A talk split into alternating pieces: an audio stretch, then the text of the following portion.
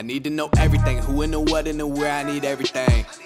Trust me. Dzień dobry drodzy widzowie, ja nazywam się Adrian Gorzycki i witam Was w kolejnej serii eksperckiej, gdzie tym razem będziemy rozmawiali o ubezpieczeniach.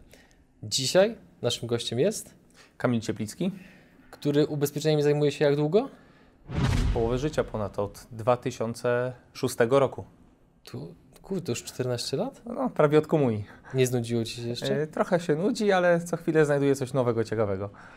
No właśnie, drodzy widzowie, oczywiście zanim przejdziemy do konkretów i porozmawiamy sobie o szczegółach dotyczących e, ubezpieczeń, to przypominamy, że zachęcam do. Przypominamy, zachęcam. Zachęcam do tego, żebyście zostawiali subskrypcję, ponieważ w tym roku celujemy 100 tysięcy subów na koniec roku. A jeżeli chcielibyście między innymi skorzystać z konsultacji z Kamilem odnośnie chociażby audytu Waszych ubezpieczeń, to koniecznie wejdźcie na albo cieplicki.pl przygody lub ppmedia.pl bez slasha slash konsultacje ppmedia.pl slash konsultacje. Oprócz tego przypominamy, że jesteśmy dostępni również w formie podcastu oraz wpadajcie do naszej grupy na Facebooku, gdzie między innymi można mieć wpływ na to, jakie pytania zadajemy naszym gościom.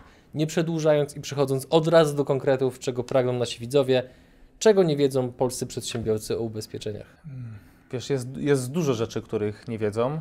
E, są pewne mity, które gdzieś funkcjonują. Taką rzeczą, która dla mnie jest zawsze najważniejsza z perspektywy przedsiębiorcy, ale też każdego człowieka i o której, o czym każdemu mówię i często ludzie o tym zapominają, to jest to, że jeżeli na przykład masz ubezpieczony swój dom, w którym mieszkasz, y, to, to, to ludzie zapominają robić przeglądów tak zwanych budowlanych, na przykład prądu, gazu y, i kiedy przychodzi jakieś zdarzenie, spali się na przykład dom, to ubezpieczyciel w pierwszej kolejności o to pyta, E, jeżeli tych dokumentów aktualnych niestety nie posiadamy, a o czym często nie myślimy, no to wtedy niestety jest y, odmowa wypłaty. I to jest chyba taka rzecz, która jest najważniejsza, o co wiele osób pyta, a kiedy my o tym mówimy, to ludzie często są zaskoczeni. A to chodzi tylko o takie nieruchomości prywatne, czy też takie nieruchomości firmowe, jakieś hale, magazyny, biura? Jak to wygląda?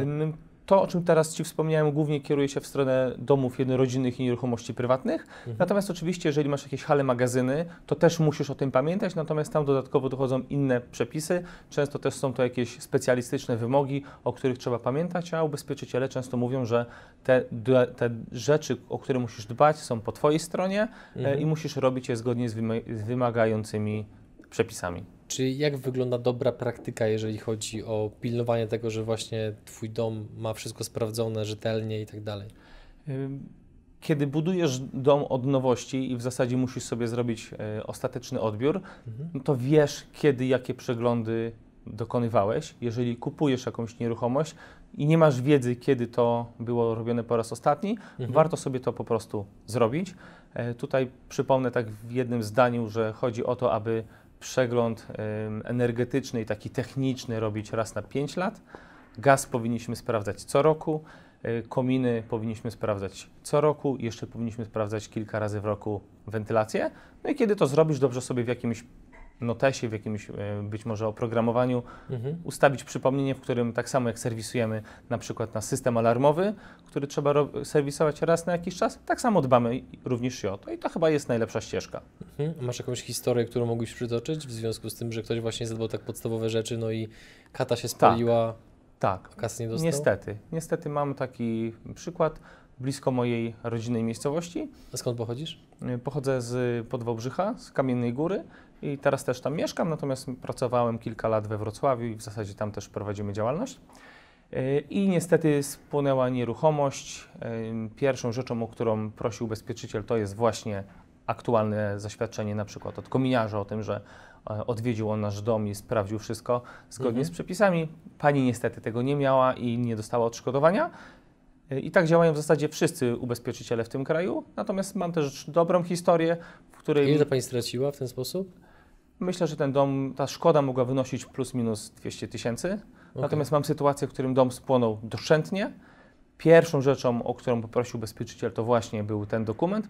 Pani go posiadała i to było y, przyjemne, bo na własnych oczach widziałem, jak w zasadzie w 4, może 5 miesięcy ta nieruchomość została odbudowana w zasadzie do takiego stopnia, że można było się wprowadzić do środka. Mhm. Więc to jest coś, o czym chyba nikt z nas nie myśli, a w zasadzie mało kto pamięta. Więc tutaj wydaje mi się, że dobrze, abyśmy to sprawdzali. Natomiast śmieję się, e, że z perspektywy przedsiębiorców e, ważnym jest, żeby pamiętać nie tylko o ubezpieczeniu swoim, ale też ubezpieczeniu swojego biura rachunkowego, czy księgowego, czy doradcy podatkowego, bo o tym też często zapominamy, a w zasadzie Mhm. jest to rzecz, która przy ich błędzie może nas bardzo mocno uratować. To poprosimy o więcej szczegółów, bo jak o tym powiedziałeś, to ja aż się tak czułem, że po prostu aż mi się, wiesz, tak słuch wyostrza, no bo to jednak dotyczy praktycznie każdego przedsiębiorcy, w tym nas. Tak, wiesz co, mm, my obsługujemy bardzo wiele biur rachunkowych, to jest pierwsza kwestia. I często biura rachunkowe posiadają ubezpieczenie, które wymagane jest zgodnie z obowiązu- obowiązującymi przepisami, natomiast ten przepis na przykład nie wymusza odpowiedzia- ubezpieczenia od błędnego naliczenia podatków albo od błędnego prowadzenia e, kadr czy płac, a chroni w zasadzie ustawowy zakres y, ubezpieczenia tylko od błędów w tak zwanej pełnej rachunkowości. Co to Więc- znaczy? Tak, tak po polsku bardziej. Tak po polsku, że jeżeli ktoś na przykład źle naliczy Ci VAT, Mhm. e, i później będziesz musiał zapłacić ten podatek, który prawidłowo powinien zostać zapłacony, to jest oczywiste, ale na przykład dochodzi do tego zapłacenie, strzelam, 30% odsetek od błędnie naliczonego podatku, do tego możesz zostać jakiś mandat, może dostaniesz jeszcze jakieś, e, jakieś odsetki do zapłaty. Ta kwota w zależności od Twoich obrotów może być mniej, mniejsza albo większa, no i może być sytuacja, w której od swojego księgowego, czy biura rachunkowego, czy doradcy podatkowego, tam są troszkę inne przepisy, więc może na razie będę się trzymał takich klasycznych biur rachunkowych, e, więc kiedy wystąpi taka szkoda, możesz nie uzyskać odszkodowania od tego biura rachunkowego. Biuro rachunkowe może chcieć zgłosić się z tym do swojego ubezpieczyciela, a jeżeli ta ich polisa na przykład nie obejmuje tego zakresem, co jest powszechnością, albo odpowiada tylko za niewielko, do niewielkiej kwoty i z reguły biura rachunkowe ubezpieczają się do około 20-50 tysięcy. Rzadko kiedy spotykam biura, które... To niewiele chyba, prawda? No niewiele, jeżeli weźmiesz pod uwagę, że na samym VAT-ie możesz mieć 30% ym, więcej do zapłacenia z uwagi na to, że popełniony został Tak. jakiś błąd. No jeżeli to biuro rachunkowe, mówiąc kolokwialnie, nie ma z czego Ci oddać, to problem jest wtedy po Twojej stronie. Oczywiście możesz dochodzić tego od nich, no ale umówmy się, w przypadku jednoosobowej działalności gospodarczej czy relatywnie małego biura, to może być dość trudne. Natomiast jeżeli Twój księgowy ma tego typu Mhm. ubezpieczenie, to Ty powinieneś czuć się bezpiecznie i tu podkreślam tylko jedną rzecz. Ważnym jest, żeby to ubezpieczenie nie chroniło nas tylko od mm, błędów w zakresie ustawowym, czyli błędów w tak zwanej pełnej rachunkowości, ale też żeby chroniło nas od błędów w tak zwanych czynnościach doradztwa podatkowego, czy powiedzmy czynnościach kadrowo-płacowych. To tutaj mam dwa pytania. Pierwsze, na bazie Twoich doświadczeń. Mm, Załóżmy, że masz przed sobą 10 biur, biur rachunkowych. Ile z nich ma prawdopodobnie kiepskie ubezpieczenie? Myślę, że dobrze wykonaną polisę ma około pięciu, Mhm. natomiast na tych pięć wydaje mi się, że cztery będzie miało na symboliczną kwotę raptem może 50 tysięcy złotych. Okej, i drugie pytanie. Załóżmy, że przedsiębiorca ogląda ten odcinek, Mhm. usłyszał to, co teraz powiedziałeś i chce sprawdzić, jak to wygląda w przypadku jego biura rachunkowego. Mhm. Jak powinien sformułować pytanie, żeby się upewnić oraz jaka odpowiedź będzie satysfakcjonująca, a jaka powinna być czerwoną lampką?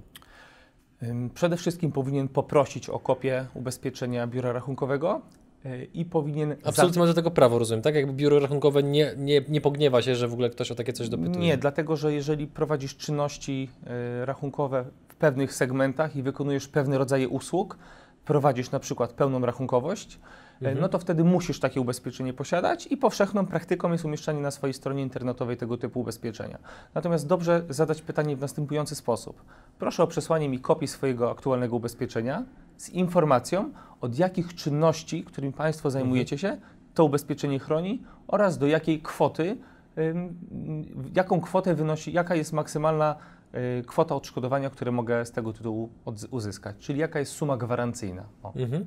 Okej, i teraz jaka powinna być odpowiedź, która powinna przedsiębiorcę uspokoić, że jest w dobrych rękach, a jaka odpowiedź powinna zapalić czerwoną lampkę w jego głowie? W zasadzie ktoś taki powinien sprawdzić to ubezpieczenie, otrzymać, zobaczyć jaka jest suma ubezpieczenia. Jeżeli, k- jeżeli m- my generujemy dla naszego klienta duże obroty, ym, na przykład milion złotych rocznie Mhm. i wiemy, że przy, w przypadku błędnie naliczonego podatku dochodowego możemy mieć takie i takie konsekwencje, to warto, żeby ta suma ubezpieczenia, na którą się ubezpieczamy, odpowiadała minimum tej kwocie. To jest pierwsza rzecz. Mhm. I druga kwestia, e, w przypadku biur rachunkowych warto sprawdzić, czy mamy zakres odpowiedzialności, czy zakresem odpowiedzialności objęta jest tylko tak zwany ustawowy zakres. Jeżeli będzie ubezpieczenie chroniło nas tylko od tak zwanej ustawy, no to tutaj powinna zapalić się czerwona lampka, bo założę się, że to biuro rachunkowe może na przykład nie prowadzić pełnej rachunkowości nam, ale na przykład, na przykład obsługiwać nam książ- książkę przychodów i rozchodów. Albo mogą nam rozliczać podatki, albo rozliczać chociażby kadry czy płace, albo pilnować tego, czy my już jesteśmy na ryczałcie, czy, jesz- czy, czy jeszcze jesteśmy na ryczałcie, czy już na przykład nie. Mhm. To jeszcze podrążę. Załóżmy, że przedsiębiorca wysłał tego maila, dostał odpowiedź, powiedziałeś, że ma to sprawdzić. I załóżmy, że taki przedsiębiorca nie ma o tym zielonego pojęcia, nie ma ochoty szukać w Google informacji i tak dalej. Oczywiście być może część rzeczy dowie się właśnie z tych odcinków, ale czy istnieje możliwość, że taki przedsiębiorca może skontaktować się bezpośrednio z Twoją firmą, żebyście to Wy rzucili okiem właśnie na to, jaka jest polisa tego biura rachunkowego? E, Tak, tak jak wspomniałeś na samym początku, zapraszamy na cieplicki.pl ym, ukośnik przygody. Mhm. Tam można z nami się skontaktować i dokonamy takiego audytu ubezpieczeń, czy to tych rachunkowych, czy generalnie ubezpieczeń, które posiadają ym, nasi słuchacze. Mhm. No i super. To teraz zrobimy taki przerywnik, jeżeli chodzi o stereotypy albo tego, czego nie wiedzą polscy przedsiębiorcy i odpowiedz mi na turboelokwentne pytanie. Kamil, kim ty w ogóle jesteś, że mówisz o ubezpieczeniach? Dobra. Ja zajmuję się ubezpieczeniami od, tak jak wspomniałem Ci, od w zasadzie 14 lat. To jest rzecz, którą zająłem się zaraz po studiach, przepraszam, zaraz po klasie maturalnej, bo już na studiach e, zajmowałem się ubezpieczeniami, studiowałem ubezpieczenia, pracowałem w towarzystwie ubezpieczeń, a od około 10 lat prowadzę własną markę pod hasłem cieplicki.pl i zajmujemy, specjalizujemy się w wielu różnych branżach niszowych y, dla y, innych pośredników ubezpieczeniowych. Oprócz tego zdałem egzamin na brokera ubezpieczeniowego. To jest w naszej branży takie bardzo prestiżowe, Mhm. dlatego że jeżeli dobrze kojarzę statystyki, agentów ubezpieczeniowych jest około 300 tysięcy, a tak, tak zwanych brokerów około 1,5 tysiąca. Y, Więc ja taki egzamin zdałem kilka lat temu. No Mhm. i z uwagi na jedną z naszych specjalizacji, o której będę opowiadał Ci później, czyli zarządy spółek i ubezpieczenia od błędów w zarządzaniu podmiotami, to podszedłem też do egzaminu na członka rad nadzorczych spółek Skarbu Państwa, po to, żeby lepiej rozumieć tą grupę klientów i teraz w zasadzie koncentrujemy się na, koncentrując się na klientach biznesowych, wykorzystuję wiedzę i ze szkoły, i właśnie z egzaminu brokerskiego, i z egzaminu na członka rad, na rady nadzorcze spółek Skarbu Państwa. Mhm. Może takie trochę pytanie poniżej pasa, ale czemu e, osoby wykonujące Twoją profesję, albo generalnie czemu zawód, który Ty wykonujesz, ma w opinii wielu osób tak kiepskie postrzeganie wizerunkowe? Myślę, że jest to pokłosie lat 90., gdzie wiele osób wykonywało ten zawód. To nie było tak mocno sprofesjonalizowane, były troszkę niższe wymagania. Może wymagania do tego, żeby zostać pośrednikiem, mocno się nie zmieniły, natomiast od tego czasu bardzo mocno zmieniło się podejście ludzi do pośredników ubezpieczeniowych. I myślę, że wielu z nich teraz traktuje nas często bardziej w kategorii konsultantów, a nie tylko człowieka, który dostarcza mu dokument, Mhm. ale tak jak mówisz, hasło zajmuje się ubezpieczeniami nie brzmi sexy.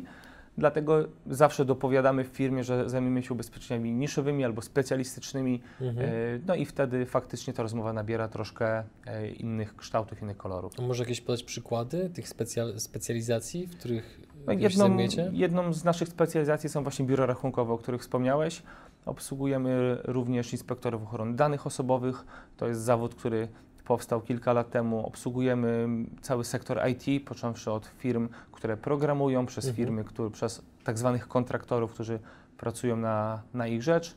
Y, Specjalizujemy się również w ubezpieczeniach od wycieków danych systemów komputerowych, czy to w firmach usługowych, czy handlowych, czy produkcyjnych. Kilka tego typu niż udało nam się dosyć mocno zweryfikować, no i mamy tam Mhm. potrzebne know-how. Jesteście dość mocno obecni w internecie, prawda? Tak. Stąd też nasza znajomość. Staram Mhm. się nagrywać wideoporadniki na tematy, które interesują właśnie naszych klientów. Y, Począwszy od takich podstawowych rzeczy jak y, właśnie ubezpieczenia domów czy mieszkań, skończywszy na bardziej zaawansowanych, czy jakichś porównaniach y, w rodzajach opodatkowania niektórych Mhm. rzeczy. Na, jakich kanałach Cię można znaleźć? Na cieplicki.pl. Okej, czyli to, to jest strona internetowa, tak? To jest strona internetowa, to jest marka, którą tworzę e, Mhm. i w zasadzie w taki sposób się brandujemy. Okej, a macie jakiegoś YouTube'a, Facebooka? Tak, mamy Facebooka, mamy fanpage'a, mamy YouTube'a, y, na którym regularnie publikujemy, natomiast myślę, że większość naszego ruchu wynosi się właśnie z Facebooka i z udziałów naszych materiałów Aha. w branżowych, e, w branżowych grupach. No, takim przykładem mamy na przykład ubezpieczenia e, dla firm zajmujących się dotacjami, pozyskiwaniem dotacji z Unii Europejskiej, bo wyobraź sobie, oni mogą popełnić błąd, na przykład czegoś nie zaznaczą krzyżykiem, e, albo nie wypalą czegoś na płytce, którą gdzieś wyślą, przez co ktoś straci dotację, e, może mieć do nich roszczenie i my właśnie z takim kontentem, z takim materiałem edukacyjnym trafiliśmy do tego typu grup właśnie przez internet i w ten sposób się promujemy. Mhm. Pięknie. No, to wracając do naszego głównego tutaj nurtu, jeżeli chodzi o poruszane tematy, jakie są kolejne rzeczy, o których przedsiębiorcy w Polsce nie wiedzą? Wiesz co, y, wracając jeszcze do biur rachunkowych, Mhm. myślę, że jest takie coś bardzo ciekawego, o czym mało kto głośno mówi, to są tak zwane triggery. To jest tak zwany odpowiednik czasowy i na przykładzie biura rachunkowego, bo tutaj chyba będzie najciekawiej o tym opowiedzieć. A dotyczy to nie tylko biur rachunkowych, ale począwszy od firm usługowych, przez firmy produkcyjne, firmy budowlane, w zasadzie każdego to dotyczy. To jest taki problem pod tytułem, czy moje ubezpieczenie działa, kiedy ubezpieczenie, czy moje ubezpieczenie będzie działało, kiedy ubezpieczenie się skończy. To jest chyba coś, nad czym się każdy zastanawia, mając Tak, ubezpieczenie. a może jak kupię ubezpieczenie, to będzie obejmowało też te wszystkie babole, które mogłem popełnić w przeszłości, a wyjdą teraz.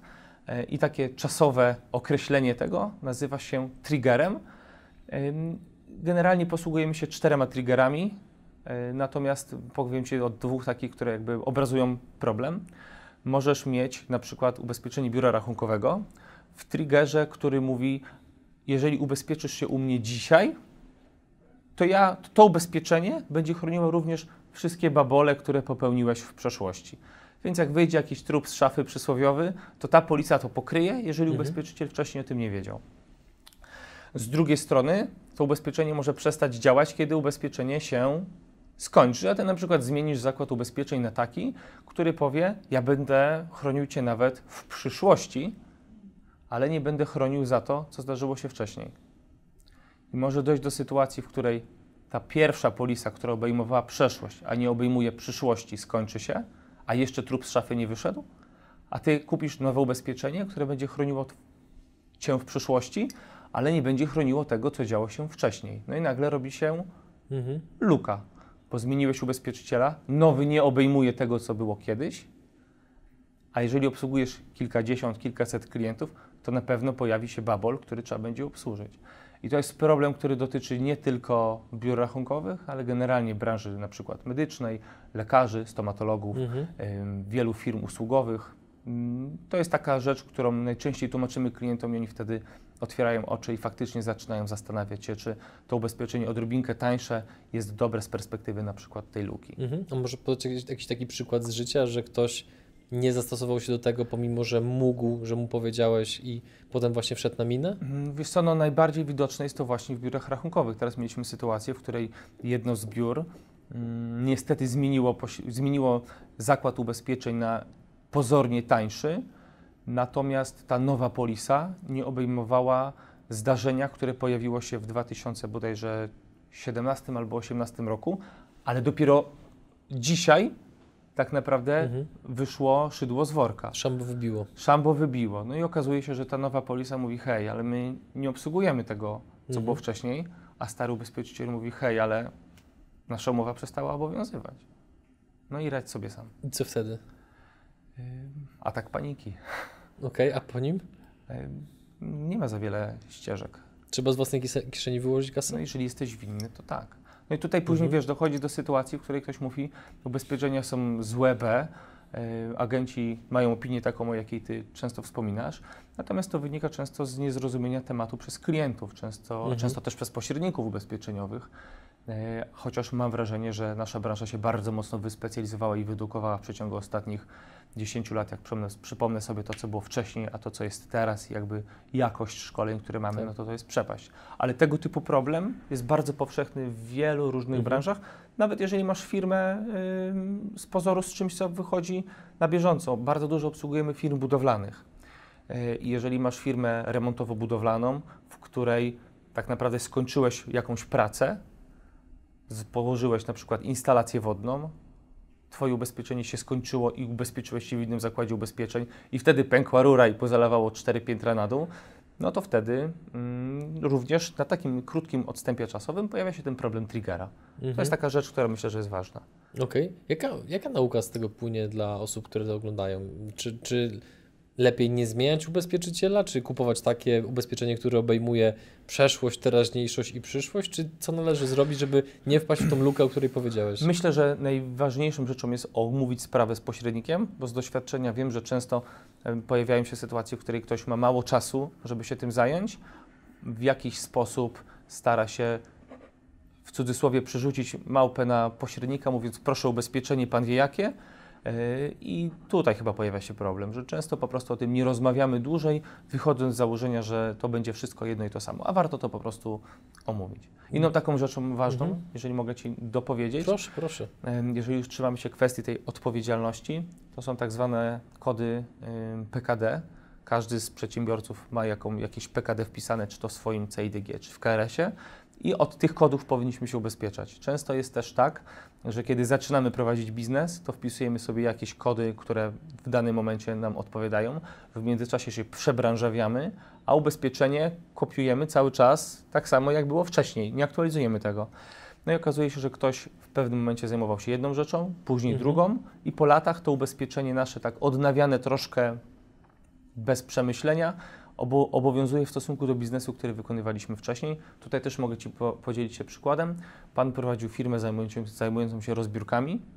W międzyczasie poczuł, e, że przyszedł rynek na nieruchomości na wynajem, więc zaczął na masową skalę remontować nieruchomości na wynajem, e, a jego ubezpieczenie chroniło od tego, że on robi wyburzenia i rozbiórki. Nie? Tak, tro, tro, no, ro- rozumiem, Jakby okej. rozumiesz ideę. Aha. No i jakby pan się zdziwił, my to szybciutko zaneksowaliśmy. Natomiast kiedy. Ale nie spotkały żadne konsekwencje z tego Akurat powodu. tutaj nie było takiego problemu, natomiast no, taka szkoda zalaniowa to może być od kilkuset złotych do moim, moja rekordowa szkoda z zalania to prawie 100 tysięcy złotych, więc Mhm. może to zniweczyć sporo, sporo planów.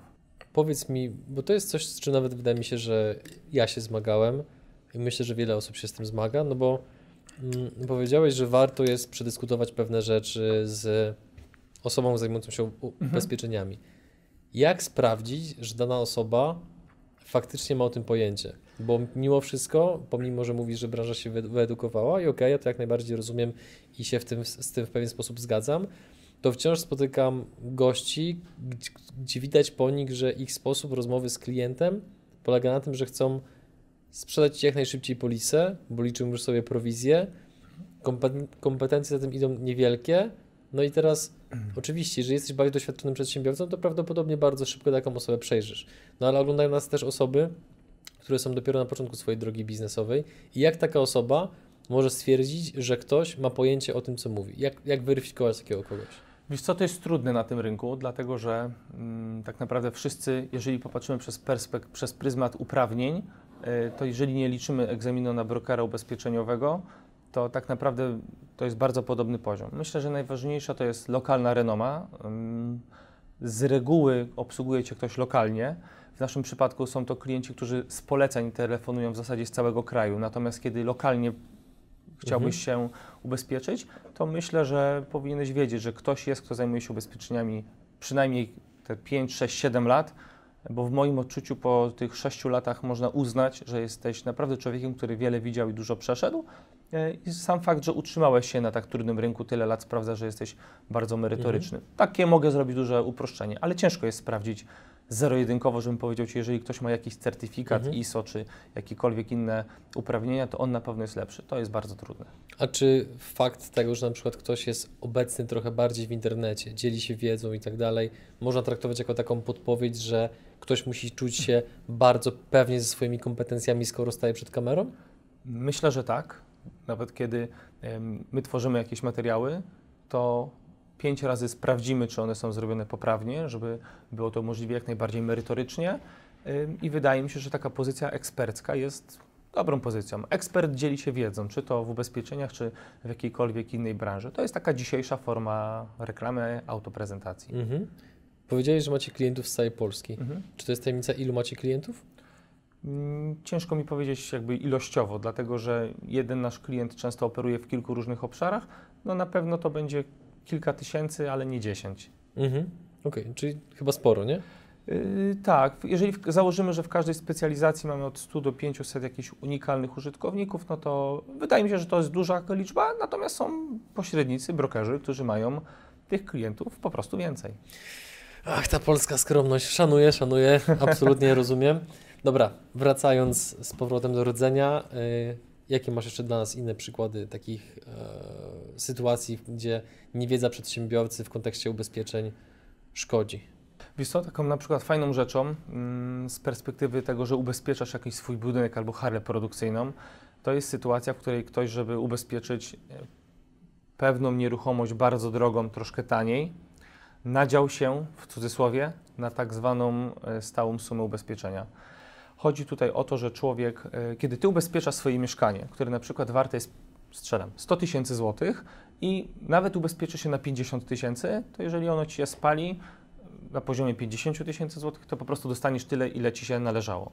Natomiast jeżeli robisz to jako przedsiębiorca i miałbyś y, ubezpieczyć nieruchomość, która warta jest milion złotych, a ty, żeby zaoszczędzić, ubezpieczysz ją w tak zwanych sumach stałych, tak mówiąc najogólniej, na przykład na 10% tej kwoty, czyli na 100 tysięcy i spali ci się coś wartego 100 tysięcy, no to dostaniesz y, proporcjonalnie tyle, na ile się ubezpieczyłeś, czyli 10% tej wartości wyjściowego majątku, bo ubezpieczyłeś 10% majątku, Mhm. więc dostaniesz 10%. E, No i ja miałem sytuację, w której... Czyli ze 100 tysięcy dostajesz 10 tysięcy? Dokładnie tak. To Dokładnie boli. tak. To boli. Spotkałem się z sytuacją nie akurat wśród naszych klientów, w której bardzo duży pałacyk y, był właśnie niestety niedoubezpieczony, był ubezpieczony na jedną czwartą wartości. Ym, Spłonęło, y, spłonęła akurat jakby jedna czwarta wartości budynku, więc ubezpieczyciel wypłacił proporcjonalnie do tyle, co zostało wypłacone, co, do tyle, Tak. ile zostało ubezpieczone. Natomiast druga rzecz, o której często też chyba przedsiębiorcy zapominają, no to jest ubezpieczenie i odpowiedzialność za podwykonawców. To jest dość skomplikowany wątek. Chyba zwłaszcza w budowlance, co? Tak, często jest, spotykam się z firmami, które mają potężne obroty, z firmami, które mają dwóch pracowników, a całość odbywa się na w zasadzie podwykonawcy. Często podwykonawca ma dalszego podwykonawcę i tak dalej. No i tutaj możemy jakby spotkać się z sytuacją, w której nasz podwykonawca zawini. Nam się wydaje, że to nie jest nasz problem, bo to przecież jego problem. Natomiast na gruncie, na gruncie kodeksu cywilnego to w dalszym ciągu jest nasz problem. Ponieważ częściowo odpowiadamy za jego grzechy, za jego winy i wtedy, jeżeli on nie ma swojego ubezpieczenia, to my powinniśmy być od tego ubezpieczeni, bo inaczej my musimy płacić z własnej, e, z własnej kieszeni. Tak mówiąc najogólniej, jeżeli remontowała, jeżeli remontowałbyś komuś mieszkanie poprzez podwykonawców i twój podwykonawca zalałby to całe mieszkanie, które remontujesz, e, to było przedmiotem kontraktu, no to ty musisz oddać właścicielowi mieszkania za to, co zostało uszkodzone. Jeżeli twój podwykonawca nie ma takiego ubezpieczenia, no to z reguły albo w większości przypadków twoje ubezpieczenie też wtedy zadziała, ale podwykonawcy każe oddawać pieniądze. Natomiast jeżeli podwykonawca na przykład, strzelam, strąci doniczkę, która spadnie na samochód, który stał pod oknem, no to można uznać w większości przypadków, że Twoja wina już tutaj nie istniała i jesteś wolny od odpowiedzialności. Natomiast kiedy mówimy o jakichś większych kontraktach, większych zleceniach, gdzie bazujemy na dużej liczbie podwykonawców, no to często wydaje nam się, że problem zszedł nam z głowy. A my nie dość, że powinniśmy być ubezpieczeni od ich błędów, to jeszcze w, w różnych branżach jest taka praktyka, że nasza polisa nie będzie kazała im oddawać pieniędzy w razie ewentualnej szkody, albo powinniśmy sprawdzić, czy ich ubezpieczenie jest zrobione należycie. Powinniśmy mieć też system kontroli ubezpieczeń podwykonawców. Często taki system Mhm. kontroli jest, że ktoś mówi, że, w- że jakaś, często spotykam się z tym przy większych korporacjach, które wymagają ubezpieczenia od swoich klientów czy podwykonawców, natomiast w praktyce często to są umowy, które nie do końca odpowiadają temu, czym dane, pod, dany podmiot naprawdę się zajmuje. Zakładam, że ogląda nas raczej trochę mniej korporacji niż MŚP. Mhm. Jak to wygląda wśród MŚP? Yy, Wydaje mi się, że to jest w ogóle nie yy, poukładane i Mhm. wielu naszych klientów prosi nas o to, żebyśmy zrobili zapisy ubezpieczeń, jakie muszą posiadać ich podwykonawcy, żebyśmy najle najlepiej przygotowali dla nich jakieś drafty. e, albo żebyśmy świadczyli taką usługę troszkę konsultingową, gdzie sprawdzamy ubezpieczenie ich podwykonawców. Takie coś często praktykujemy i to i myślę, że y, może nie w większości, ale w jakimś na pewno istotnym procencie takie coś praktykujemy. To jest dobra ścieżka. Czyli jeżeli po tym odcinku zgłosiłby się do Ciebie przedsiębiorca, który właśnie bazuje między innymi na podwykonawcach, Mhm. żeby Wasza firma sprawdziła jego podwykonawców pod kątem ubez- ubezpieczeń, to jest to możliwe. Tak, oczywiście. Chciałbym trochę nawiązać do tego, co powiedziałeś, że ludzie, przedsiębiorcy, ale nie tylko przedsiębiorcy, często starają się tą składkę ubezpieczeniową zaniżyć. Oczywiście z jednej strony ja rozumiem absolutnie jaka jest intencja, no bo nikt nie chce płacić więcej niż jest to absolutnie ko- konieczne. No niemniej w przypadku ubezpieczeń, tak jak właśnie sam powiedziałeś, to często potem powoduje, że nagle dowiadujemy się, że ok, zaoszczędziliśmy 500, 1000, może 5000 zł, w zależności od tego, o jakim ubezpieczeniu mówimy, no ale potem straty z tym związane są takie, że trzeba dopisać jedno zero albo dwa zera. No tak, to tutaj y, myślę, że to, chyba to jest jeden z najczęstszych, na- jedna z najczęstszych rzeczy, która później do nas wraca. Takich przykładów y, to mogę sypać jak z rękawa. Natomiast dwa przychodzą mi do głowy. Pierwsza ubezpieczaliśmy kiedyś taką firmę. Przez lata ją ubezpieczaliśmy. Współpraca była bardzo dobra, ale w pewnym momencie klient zrezygnował z naszej usługi. Niestety miał pożar, po którym Czym to uzasadnił, że zrezygnował? miał po prostu taniej. Mhm. Natomiast to była taka sytuacja, w której człowiek był bardzo mocno zajęty i nie miał okazji z nami przeanalizować, skąd wynika różnica w cenie. I myślę, że to jest taka przestroga do wszystkich, że ym, ubezpieczenia nie mogą być tanie. A jeżeli ktoś przedstawia Wam ofertę za x tysięcy złotych, a później, drodzy widzowie, ta oferta u kogoś innego jest za pół xa, to jest bardzo duże prawdopodobieństwo, że to jest po prostu o połowę gorsze. Różnice mogą być, ale nie są znaczące. No i ja miałem taką sytuację, w której panu spłonęła, spłynęła hala, no i niestety nie dostał nic, bo jedyne co miał w ubezpieczeniu to tylko cegłówki. Dosłownie ubezpieczone były cegłówki yy, i to w takim yy, naj, możliwie najwęższym zakresie. Mhm. Oczywiście później ubezpieczenie już było normalne, natomiast to są takie sytuacje, w których Ile stracił? Ciężko mi powiedzieć, natomiast myślę, że to, to na pewno nie będą kwoty powyżej 500 tysięcy złotych. Mhm. E, Druga kwestia bardzo ważna, która wynika z tego, że coś robimy tanio i szybko, e, to też, przy, to też przestroga do wszystkich e, przedsiębiorców. Jeżeli masz jakąkolwiek halę, to często mówisz, mam halę, chcę ją ubezpieczyć bardzo szybko, bo nie mam czasu tego przeanalizować. Pośrednik często też pod presją pewnego rodzaju, żeby nie stracić klienta, robi to dość szybko i nam zdarzyła się sytuacja, która finalnie była się bez szkody, natomiast pan miał faktycznie dużo, dużo taniej, a potem się okazało, że jego polisa zakładała, że jego sklep spożywczy, który dzierżawi, jest wykonany z betonu, z cegłówek, ma normalnie dach kryty jakąś dachówką. Natomiast faktycznie, jak się później okazało, on był najemcą tego lokalu, to ten lokal był wykonany z jakiejś płyty ym, blaszanej, obitej drewnem, natomiast otynkowanej w taki sposób, że mogło mieć to wrażenie, to sprawiało wrażenie, że to jest po prostu murowane. I w razie, gdyby tutaj doszło do pożaru, y, no to na 100% nie byłoby wypłaty odszkodowania, bo mamy inną klasę palności. I często jest tak, że kiedy kupuję ubezpieczenie, ono jest dużo tańsze, to diabeł niestety tkwi w szczegółach. Szczególnie kwestia tego, czy ten budynek jest na fundamencie, czy on jest palny i z czego wykonany jest dach. To jest coś, o czym często przy firmach czy halach, szczególnie na przykład w przypadku warsztatów mechanicznych, warsztatów samochodowych, o tym nie myślimy, kiedy mówimy, że chcemy mieć tańsze ubezpieczenie.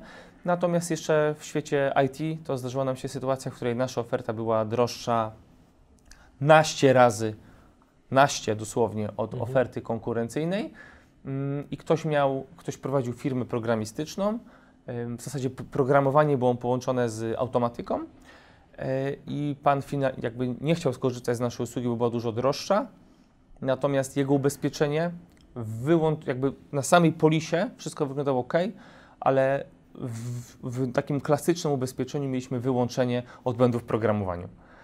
E, I, Więc to, I on to kupił? i on to kupił i on twierdził, że ma. I jakby motywacja jego była taka, że mam i co z tego? Zapomniał, że prowadzi biznes na jednoosobowej działalności gospodarczej i w razie, gdyby popełnił jakiś błąd, to w zasadzie można zająć jego majątek osobisty, a ta policja nie ma prawa zadziałać, bo ona chroniła od tego, że on zrobi krzywdę komuś albo czemuś, że kogoś zatruje, złamie mu nogę albo ktoś sobie złamie nogę u niego. Co w branży, w sektorze IT nie ma prawa zaistnieć. I często jest tak, że z uwagi na to, że mamy mało czasu, nie chcemy o tym porozmawiać z pośrednikiem. I tu wrócę do tego, o czym Ty wspomniałeś, po czym poznać dobrego pośrednika. Myślę też trochę po tym, że stara się wysądować, co my tak naprawdę robimy e, i wyłapać za nas te e, ewentualne błędy w Mhm. starej polisie albo w proponowanym ubezpieczeniu to my często tego nie robimy. Robimy to w sensie jako klienci.